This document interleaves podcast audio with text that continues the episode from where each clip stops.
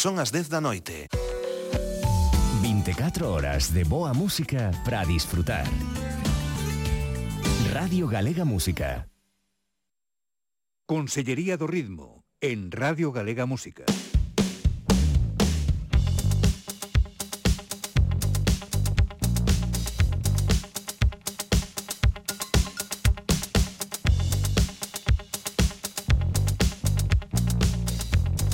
Tito Lesende.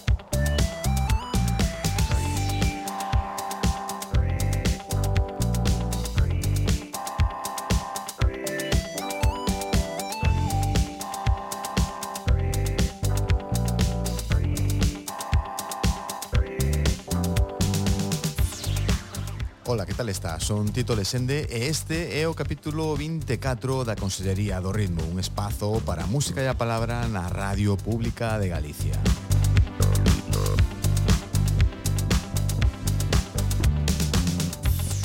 Todos os capítulos anteriores deste programa están disponibles na web radiogalegapodcast.gal. Aí podes escoitalos ou descargalos. Tamén estamos en iVoox para darche máis opcións. E hoxe dende Cedeira presentamos na Consellería do Ritmo a visita de Los Eternos. Aquí temos que poñer un marco conceptual porque hoxe falamos de música próxima a ese xénero que chamamos americana, é a música popular contemporánea de raíz absolutamente estadounidense eh, ese xénero situado nesa intersección entre o country, o rock, o pop, o bluegrass. Bueno, eh, para aclararnos, hai un gran tótem deste xénero americana que sería o defunto Grant Parsons que sentou as bases do country rock alternativo cos Flying Burrito Brothers, cos Birds, en solitario con Emilio Harris. Esa é a macana da que falamos hoxe e neste punto temos que sinalar que en Galicia, e moi concretamente en Ferrolterra, hai dende sempre músicos moi afeccionados a estas sonoridades. E isto lévanos hoxe a Cedeira con Los Eternos, unha formación activa dende 2003 que este mesmo ano publicou o seu quinto álbum segundo as súas propias contas, un disco que se chama Sonora e que, na miña opinión, é a súa obra mellor parida.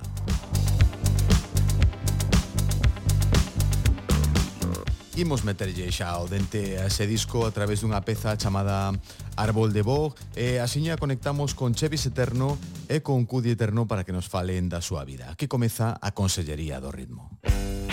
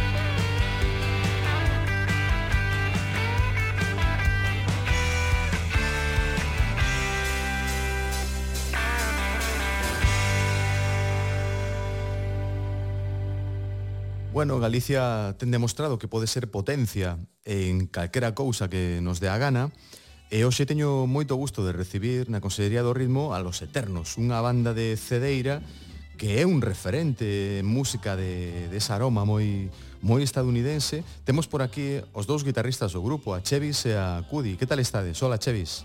Hola, boas. Aquí estamos, perfectamente. Estás ben, estás a gusto, non aí?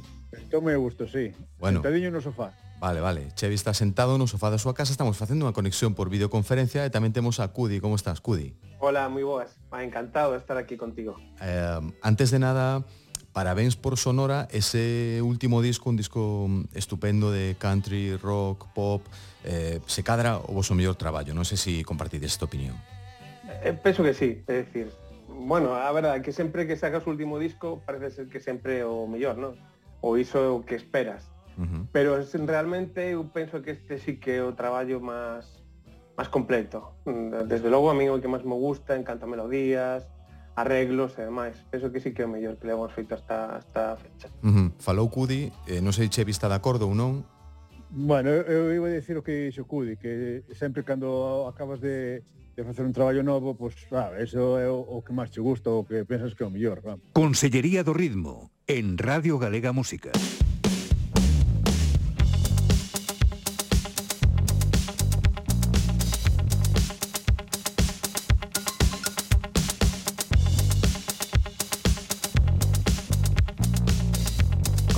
Tito Lesende.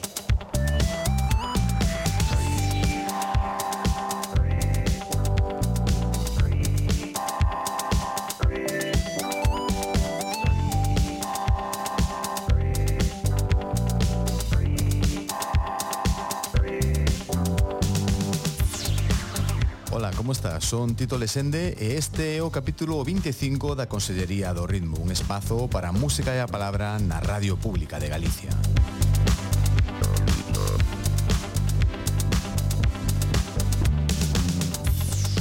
Todos los capítulos anteriores de este programa están disponibles en la web radiogalegapodcast.gal.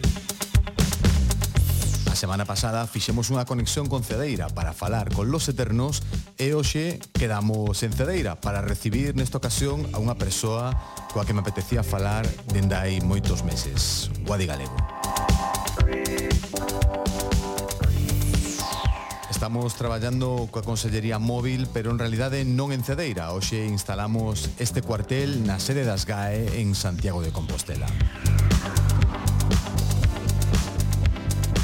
aquí manteremos esta conversa con Guadigalego, xa sabes, que despuntou a finais dos anos 90 como integrante de Berrogueto e logo defendeu proxectos como Espido ou a Cada Canto, mentres ela mesma ia definindo a súa propia marca artística como Guadigalego. Galego. carreira de Wadi é a historia dunha travesía atrevida. Gaiteira de inicio, tamén pianista, cantora polas circunstancias, formouse na música tradicional con vocación de renovar o noso concepto galego do folk, pero despois emprendeu unha andaina cara a música pop interpretada en galego e cun punto de sofisticación electrónica.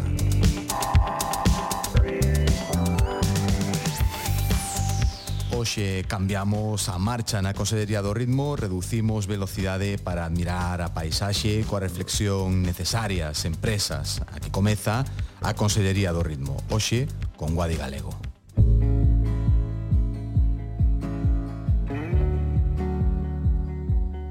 último álbum publicado por Wadi, este estupendo Costuras.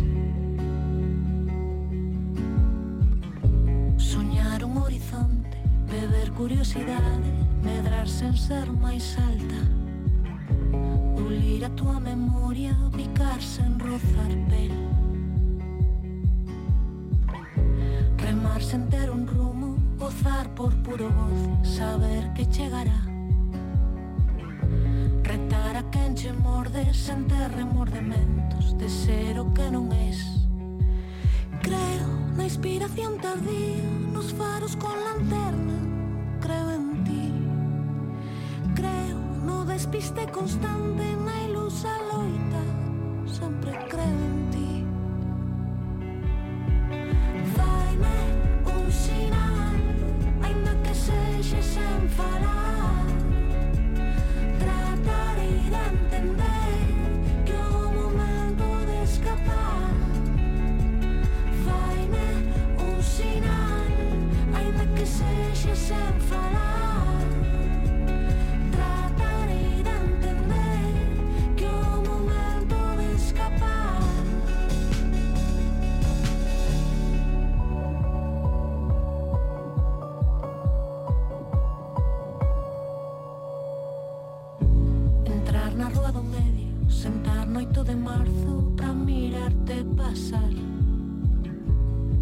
na porta grande sen agardar xa máis Fundirse nun abrazo, brincar por puro vicio, querernos ben Sentir a tua memoria, saber que chegará Creo na inspiración tardía, nos faros con lanterna, creo en ti. Creo no despiste constante na crean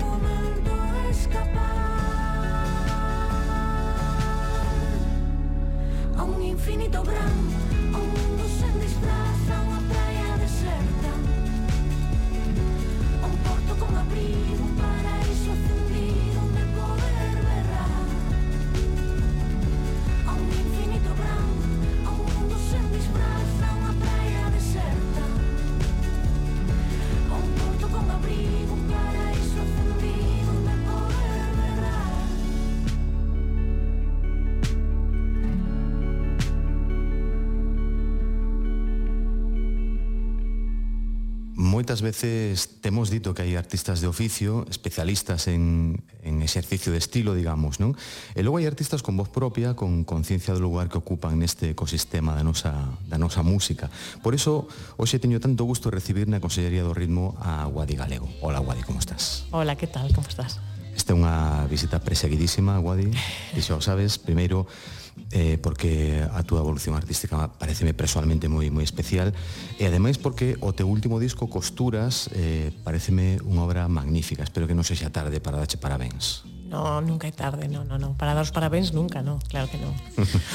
bueno, falaremos de costuras máis máis adiante, pero algunha vez lin que sintetizabas este disco como en eh, 10 cancións que son 10 anacos de vida, mm Eh, gustaríame eh, comezar viaxando a ese primeiro anaco de vida no que conectaches por primeira vez coa, coa música. Non sei cal é a túa primeira lembranza de conexión coa música. Eh, moitos de nós temos como primeira lembranza o lado de un Pepito, por exemplo. Non sei mm. se ti tes algo máis sofisticado na cabeza. Pois mira, non teño algo mm, moi concreto, pero non teño tampouco, non penso en, en unha canción, nin en un ni en un disco, sino que penso en, en que a música estaba presente na miña, na miña casa de xeito natural, non? Meu pai era eh, músico afeccionado e na miña casa sempre se escoitou moita música uh -huh. e xa moi rápido se tocou moita música porque meu irmão é oito anos maior que a min e toca desde que é moi pequeno entón non teño eu unha sensación de decir ah, aquela canción ou aquel espectáculo ou aquel... non eh, a música estaba presente na, na,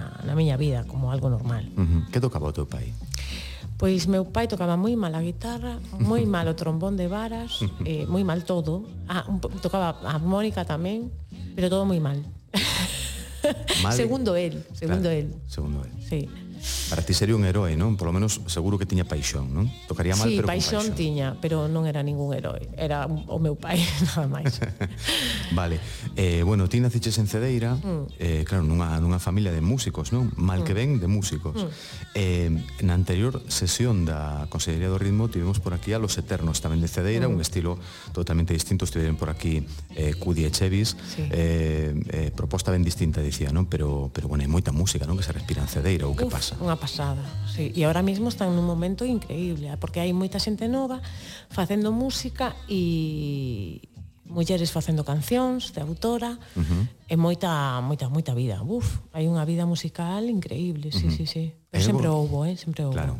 Agora hai algo que non podamos perdernos Agora hai algo que non podemos perdernos En Cedeira, uh -huh. todo É dicir, pero todo como se vive ali no? Coa paixón que se vive ali con, co, co, Como comparten eh, Pois como o, Un día das festas Todos os grupos de, de Cedeira van E, e tocan e se mesturan entre eles E fan versións e tocan temas propios É unha pasada O sea, eh, disfrutámoslo moito E eu a verdad que últimamente Estou, bueno, pois pues, eh, observando todo dende perto, de, de outra maneira, no? de como se vive ali a música e E bueno, están los veninos, os, eh, los eternos, evidentemente, que xa teñen un punto máis de profesionalidade. Eh, e hai outro grupo que se chama Os Arde Casas. Uh -huh. E logo hai moita música popular, eh, un grupo de acordeóns moi potente, que hai de todo, uh -huh. hai de todo, as corais, todo. Ti, ti estás vivindo en Compostela. Sí, sí, eu xa levo vivindo uh -huh. en Compostela moito. O que pasa que fixen un impas, estuve vivindo en Cedeira no ano 2000 no, no do, do 2015 ao 2016. Ali Ajá. estuve un ano.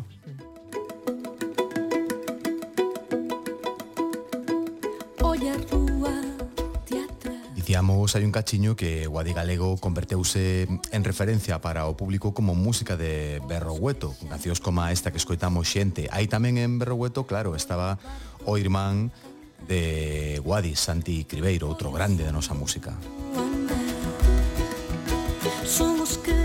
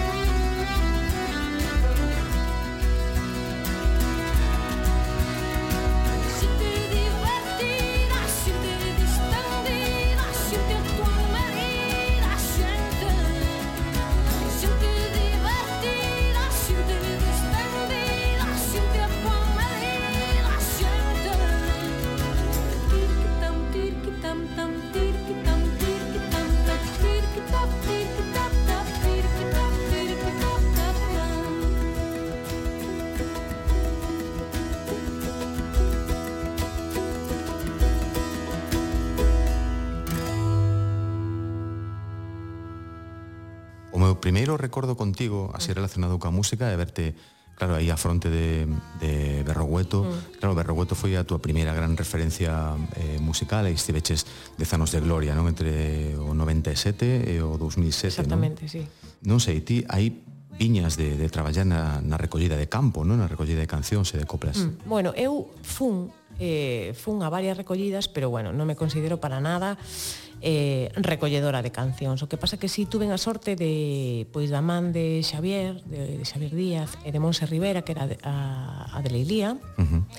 pois de, de que me levaran con eles a, a facer varias recollidas. Non sei, pero o mellor eu vivín pois catro ou cinco recollidas potentes das que eu recordo como algo como un aprendizaxe vital, no? pero uh -huh. eu para nada me considero recolledora de folclore, sino máis ben observadora dende primeira línea, non? Uh -huh. Pero bueno, vale. grandes expertos facendo iso. E aí como, como observadora, digamos, desa parte máis mm. tradicional, desa óptica máis tradicional, da, da máis pura, digamos, da nosa da nosa música mm. eh, cando, cando ti xa estabas en, en Berrogueto eh, claro, a, a renovación de Berrogueto foi tremenda non? Da, da nosa raíz, da nosa música de, de raíz eh, ti vivías todo isto dun xeito consciente ou tanto che daba?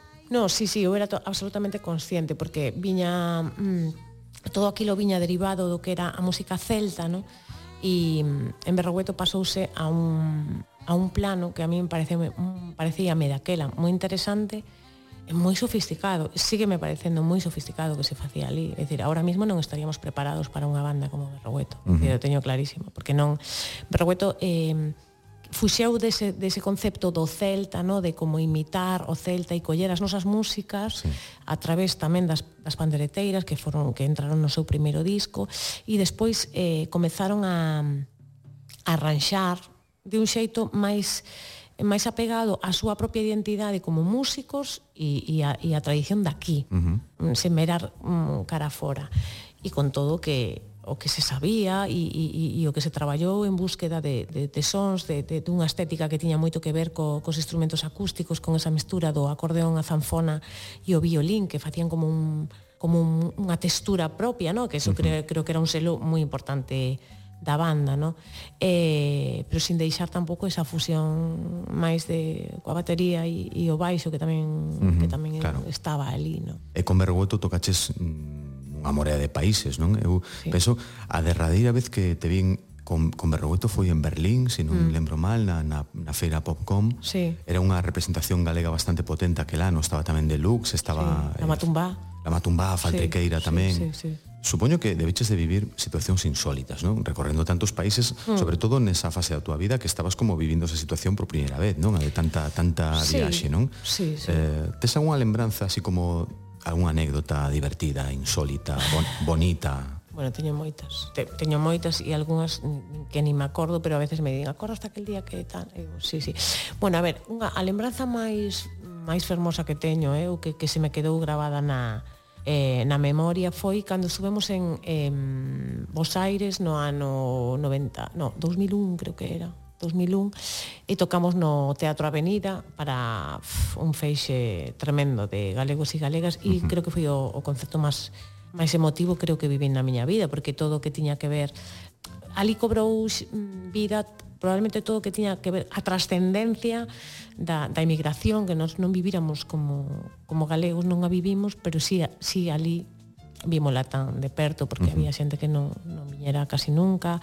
Outros que, que eran fillos de galegos e que sabían toda a nosa historia pero non puderan vir nunca. Claro. e, e como eles vivían eso, bueno, o sea, espectacular.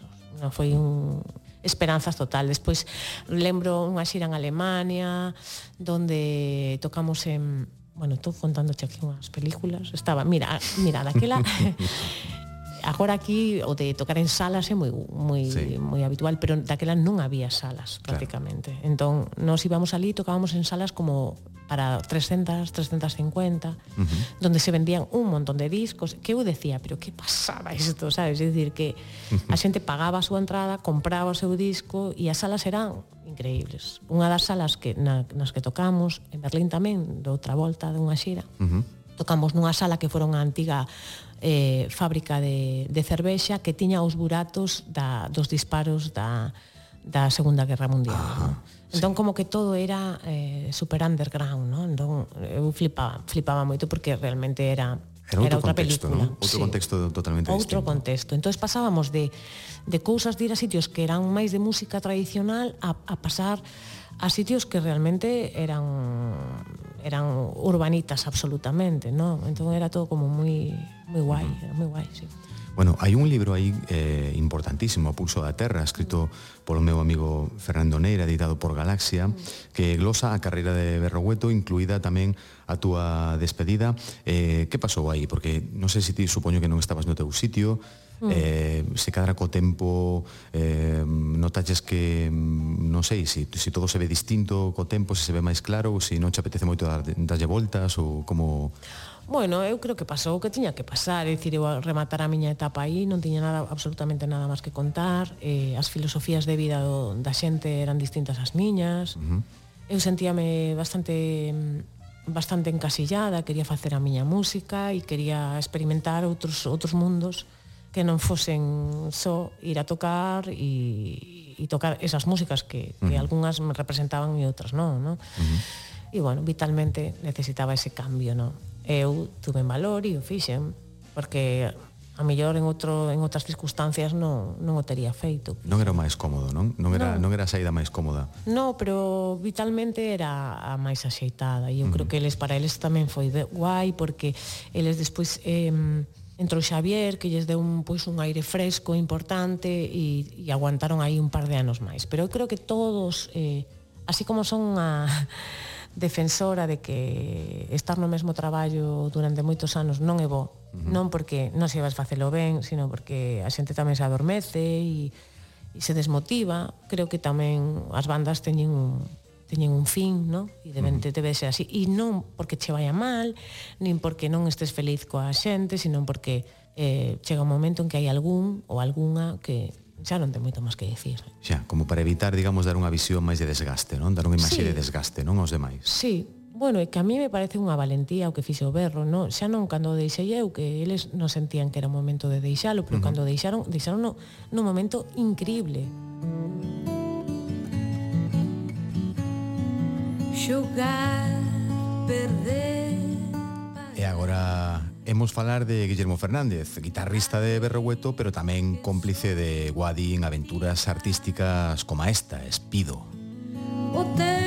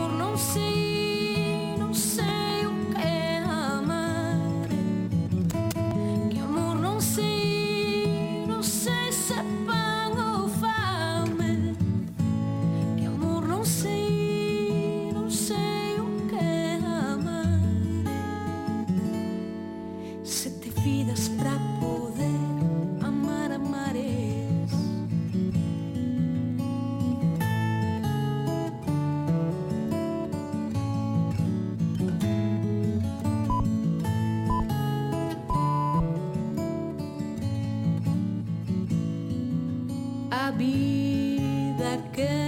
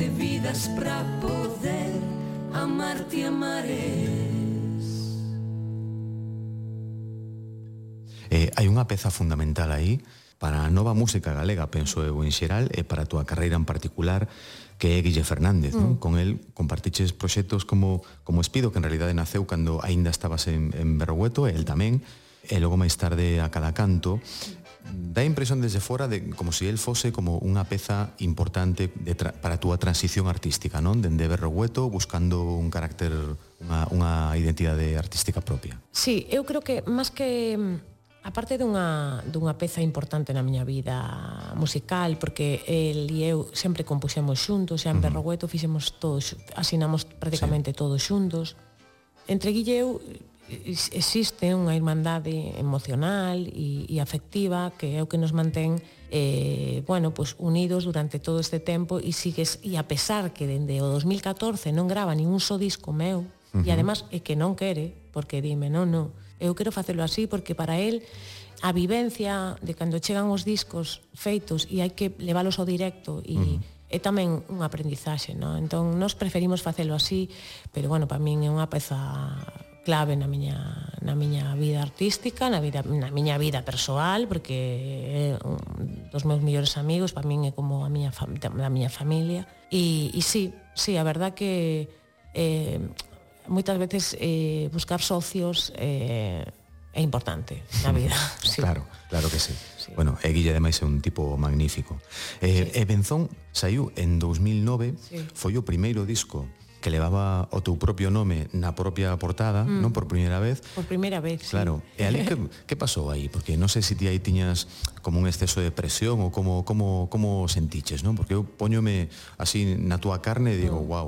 Bueno, Benzón, eu digo sempre, e, e xa me sono a min como que me repito, pero é o meu disco de tránsito, no? É dicir, é un disco de tránsito porque é un disco eh, que xa empeza a ser un disco conceptual porque eh, son cinco temas tradicionais que levan a composición de outros cinco temas eh, de autora e hai varios arranxistas, non existe a figura dun produtor, senón que cada perso hai un produtor por tema e aínda así a única, a única premisa que había era que tiña que ser acústico.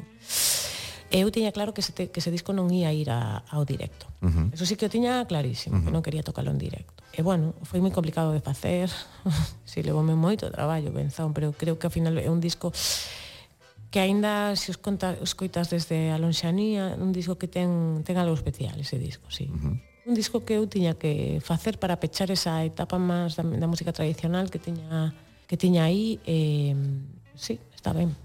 Bueno, eh, anos despois eh, bueno, estive pole medio a cada canto outras cousas, eh, no 2014 saiu aquel luas de outubro e agosto que saiu un 25 de novembro como unha especie de reacción alérxica contra a violencia machista, contiña eh, unha serie de temas importantes tamén relacionados con esta, con esta temática eh, matriarcas, non? De, de maneira especial, pero claro, en realidade esa mensaxe feminista estaba presente nas túas cancións desde moito antes, non? Xa dende a época de, de, de Berrogueto, pero mm. o feminismo parece como que se mobilizou definitivamente en tempos máis recentes, non? Despois deso. Incluso. Despois, mm. despois, por iso digo, non? Que eh, o feminismo parece que hoxe lidera unha serie de movimentos mm. sociais eh, que se activaron de verdade, de verdade, aínda hai pouco. Mm. Se eu tivese que definirte en tres palabras, unha sería feminista, as outras dúas non sei.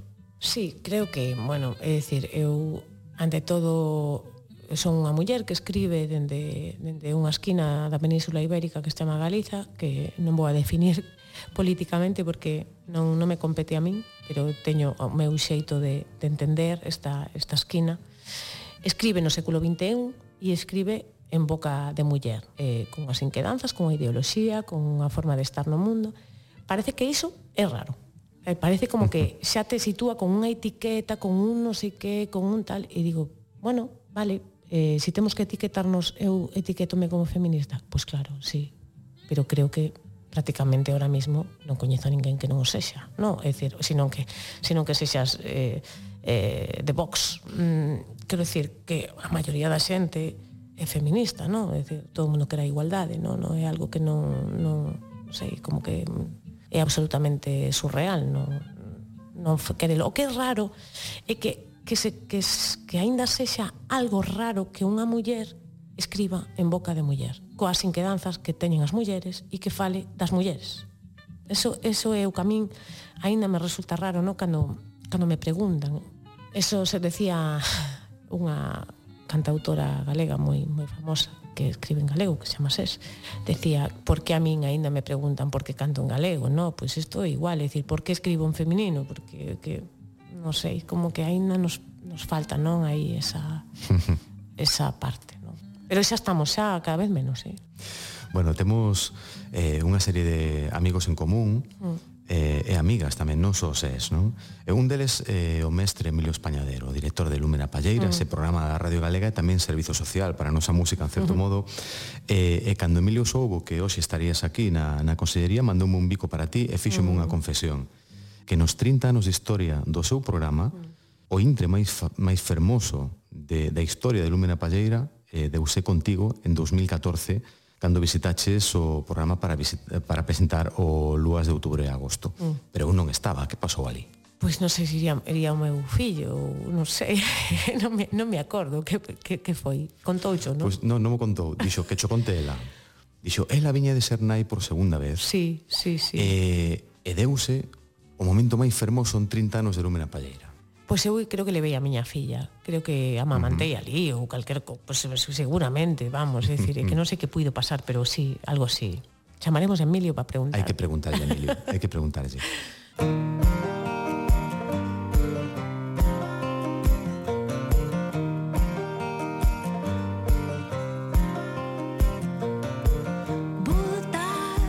Confirma Emilio Españadero por WhatsApp que efectivamente O intre máis fermoso que aconteceu en tres décadas de Lúmena Palleira foi entrevistar a Guadi Galego mentre lle daba o peito a súa filla en directo.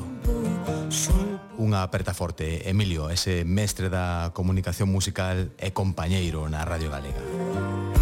Esta peza aparecía nese disco de Guadi, chamase Chea de Vida.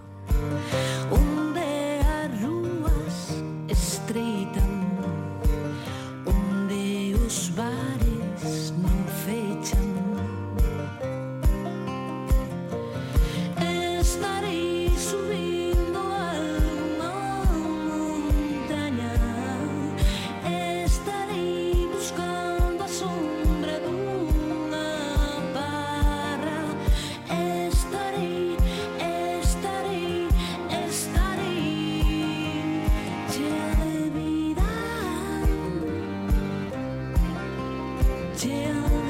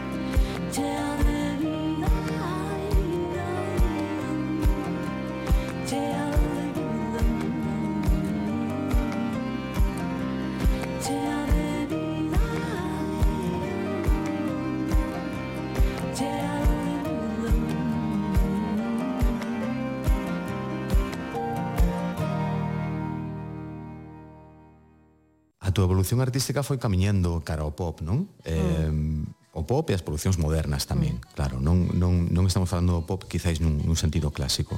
No. Eh, foron caendo discos como O Mundo Está Parado eh, en 2016, SP, Bola de Cristal en 2018, mm. e o círculo parecía pecharse con Inmersión en, en 2019, porque aí presentabas como unha recapitulación do teu repertorio, eh, coa participación de voces de distintas procedencias e de, de distintos xéneros, non? Aí estaba mm. Xavier Díaz, estaba estaba Ian Ferreiro, estaba o gran. Mm. Lisandro Aristimuño, E claro, como cantaches aí nese disco en sete linguas do mm. Estado, deronche un premio á promoción da realidade plurilingüe. Mm. Tamén algo que me fascina porque aí caí na conta de que había que promocionar a realidade, non? sí. Había que promocionar a realidade plurilingüe estas alturas de película. Que che parece? Bueno, me pareceme como como todo o que o que pasa en todos os estados do mundo, ¿no? Que temos uns, uns estados cheos de, de contradiccións, ¿no? Pero sí, pois pues é que hai que promocionalo e aínda así sigue sendo un hándicap cantar nunha lingua que non sexa unha lingua maioritaria por unha cuestión obvia, ¿no? que decir, estamos ante, bueno, pues, que son linguas minorizadas ou, ou minoritarias e aparte eh, temos o handicap da, da globalización, pero que está aí, uh -huh. decir, que hai que ser conscientes de todo de todo iso, pero en vez de iso convertirse nun valor No, no, en algo que te, que te define, que te diferencia, que tamén eh, forma parte desa diversidade cultural lingüística de España, uh -huh. pois pues parece que como que que custa moito, no? Uh -huh. Entón, bueno, pois pues é algo que que hai que asumir e que hai que seguir traballando na, uh -huh. en esa dirección sin, sin tampouco rasgar as vestiduras porque non, Claro, a mí tampouco me parece algo tan eh, real, realmente tan tremendo, non? Esas, mm. esas colaboracións que fixeches con, con Paula mm. Grande, mm. non? Con, eh, contigo cantando en castelán, mm. eh, ao revés, non? Eh, eh, parece maravilloso, non? Sí. Hai, hai pouco, eh, hai, hai escasas semanas, eh, estive na Feira Monkey Week en Sevilla, ali estaban Grande Amore, mm. estaba Ortiga, eh, estaba Mundo Prestigio cantando todos en galego e a xente coreaba as cancións, non? A xente mm. andaluza, porque o público era mayoritariamente de Sevilla. Mm sí, e cantaban as cancións. E digo, por que non, por que non eh, ir co galego por diante ou con calquera outra lingua, non? Se realmente eh, o importante é ir coa túa lingua, non? Coa mm. lingua natural.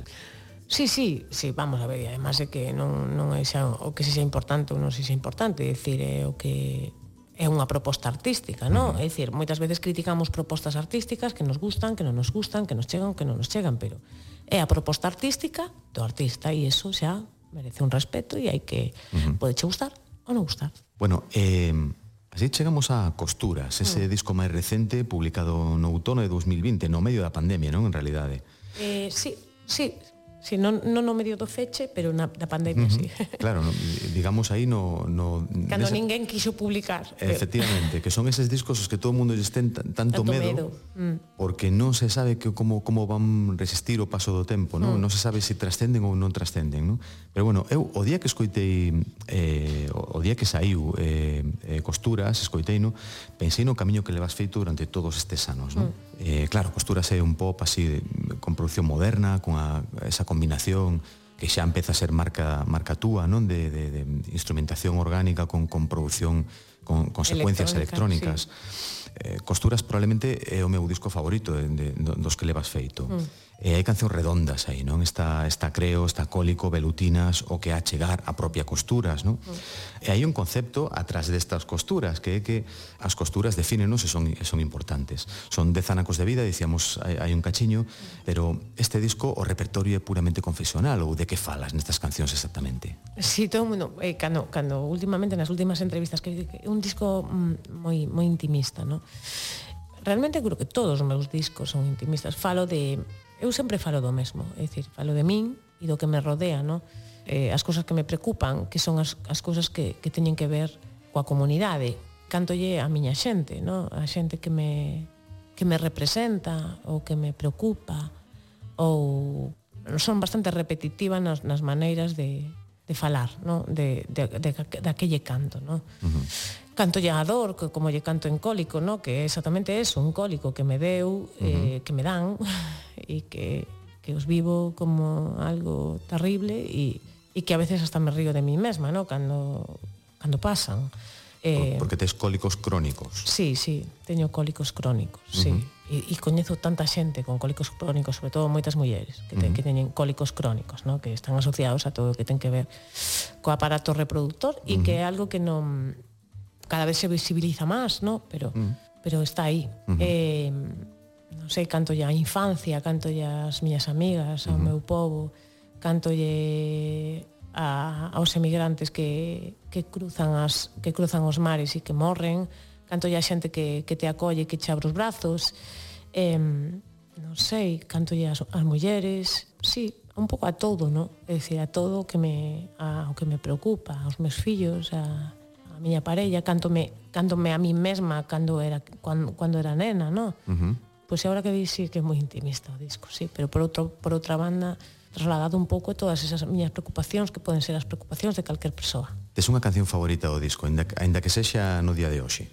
Eu creo que Costuras é o meu mellor disco, sinceramente, tamén uh -huh. o creo creo que é un disco moi maduro, xa eu vexo desde fora e vexome moi representada. Hai outros discos cos que me, non me sinto tan representada uh -huh. agora. Claro, é clase, parece o me mellor disco porque é o último, ¿no? parece como que unha, unha canción que coa que me quedo de, de costuras. Eu son moi de canción popular, pero creo que realmente o, o tema máis mm, máis mm, que máis me define dese disco probablemente sexa sexa a liberdade ambigua. Uh -huh. sí, que é un tema como menor, ¿no? Como que se queda así porque uh -huh. non é nada non é nada pretencioso ni, uh -huh. nin, nin ten grandes arranxos ni, ni nada, pero sí, eu vexome, creo que liberdade ambigua di, di casi todo de min.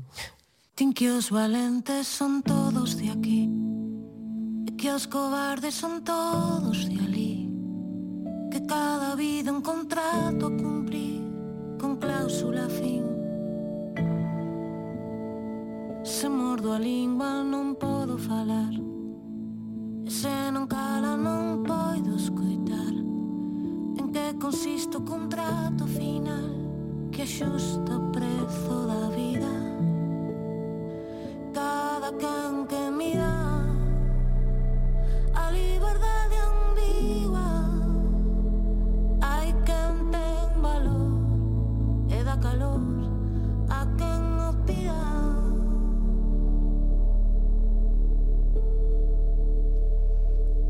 máis incerto pode ser real. O máis preciso tamén pode errar. Ninguén consegue poder deseñar A marca de auga da vida. Tin que o desexo pode escapar. E é quen escapa por non desexar? Como podo chegar a cortar Os fíos que atan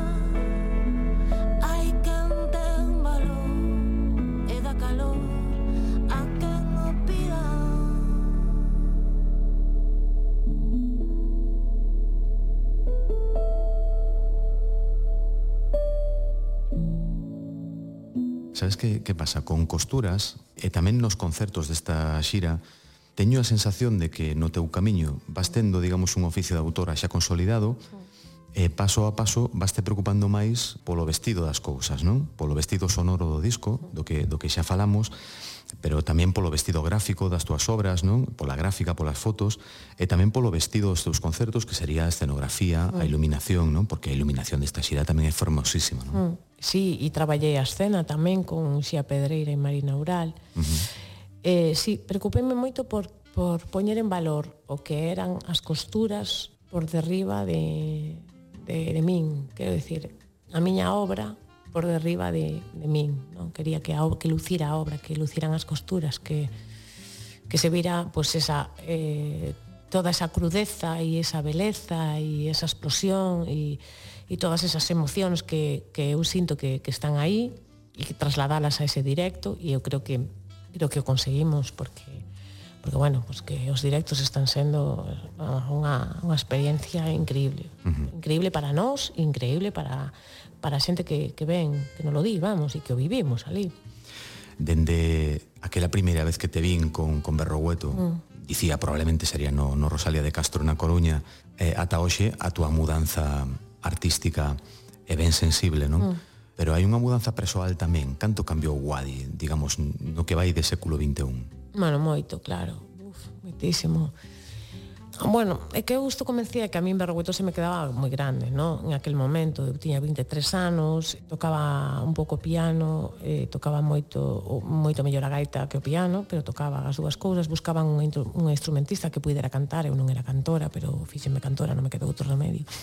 Eh, eh, fixen como un máster, no? Hai un máster, pero era moi insegura, con moitos eh, problemas de autoestima, eh, sentíame bastante inferior a todos os meus compañeiros, non? Entón, pois a partir de aí, pois quedoume pois, ir buscando oficio, irme situando, eh, contando verdades en cada cousa que facía, eh, a pesar de que non estuveran perfectas, non? Porque eso tamén é outra, non? Parece que sempre estamos buscando a palabra perfecta, a melodía perfecta, a estética perfecta, pero realmente nós non somos así. Entón, cando o, tra o traballo que máis se representa é o traballo que, que, que máis ti é. Ainda que ti saibas que aquilo podía estar mellor ou que en outras circunstancias sería de outra maneira, pero que, que esa é a guadi que esta é a guadi de costuras e a guadi de lúas era outra, evidentemente.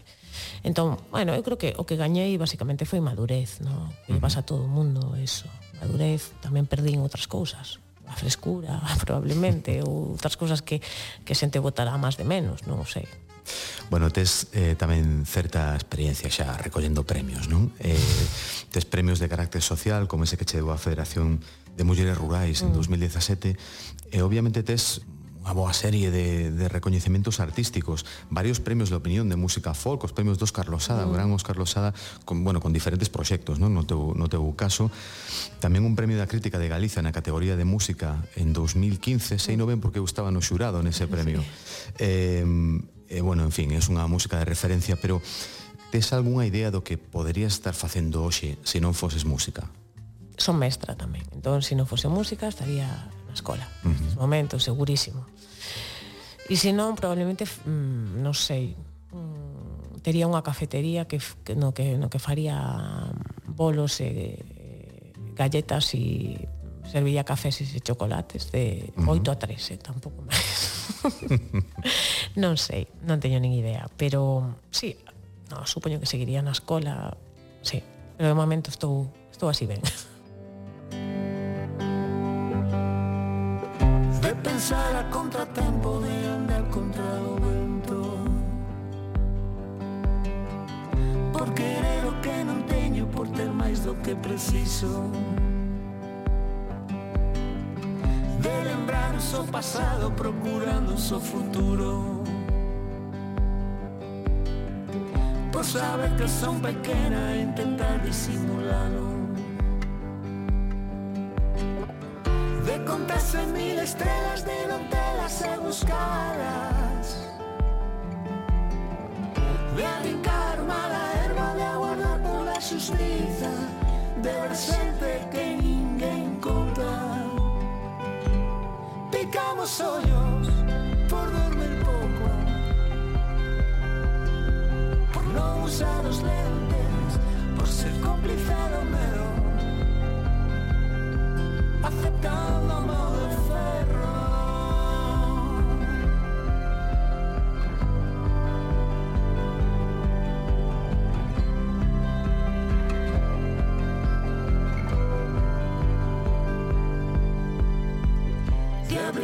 samaleiro pendurada dun mal frío. De correr ser máis lenta por querer beber o río. Por peso das persoas que pasaron e pesaron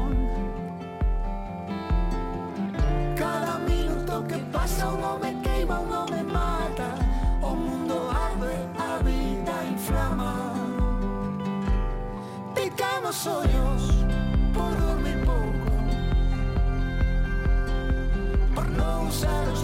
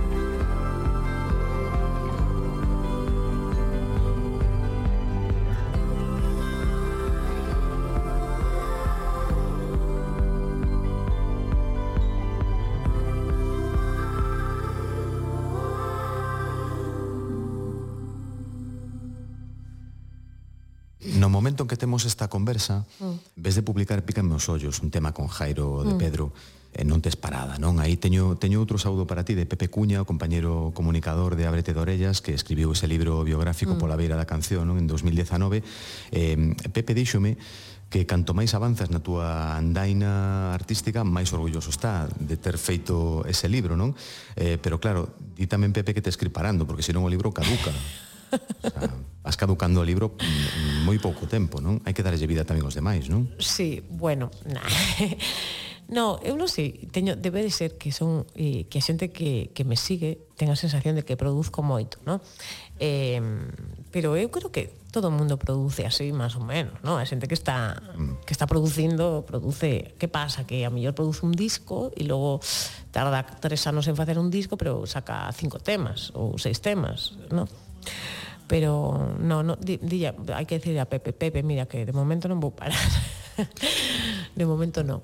Ti non, ti, ti non paras, o que ten que facer el é sacar unha versión, digamos, dous, claro. Versión 2, no, claro, aínda non. Agora ten que sacar outras versións de outras compañeiras e compañeiros que, que creo que, que, que son que son moi necesarias tamén. E ti que tes previsto para 2022? Tes novo disco por aí xa na cabeza ou novos proxectos ou que que, que Mira, que andas argallando? Mm, levo un ano de costuras, quédame o fin de xira será en setembro. Setembro, outubro, aínda non o temo, teño fechado, pero prácticamente sí, teño uh -huh. claro que o que vou a fechar.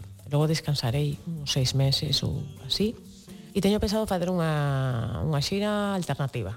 Non sei de que tipo aínda, pero... Alternativa. Sí, non vai a ser unha, unha xira típica de, de, de banda con luces e non sei que, senón algo distinto. Non sei aínda que, uh -huh. pero non o teño claro, pero pero algo diferente, máis pequeno, algo así, pequeniño tamén. Uh -huh. E entón non sacarei disco a finais do 23, que era cando me tocaría, no? Eh, uh -huh. parece que sempre toca como de cada dous anos. No, sí. non o sacaría a finais do 23, non me, non me vai a dar a vida. Pero a millor si que saco un EP ou algunha cousa así máis pequena. Uh -huh. sí. Tes algo pensado para o fin de xira de setembro? Sí, teño algo pensado, pero non che vou contar. Oh. Non, porque non o podo contar porque non teño nada confirmado. Vale. Pero quero facer un fin de xira especial. A ver se o consigo, porque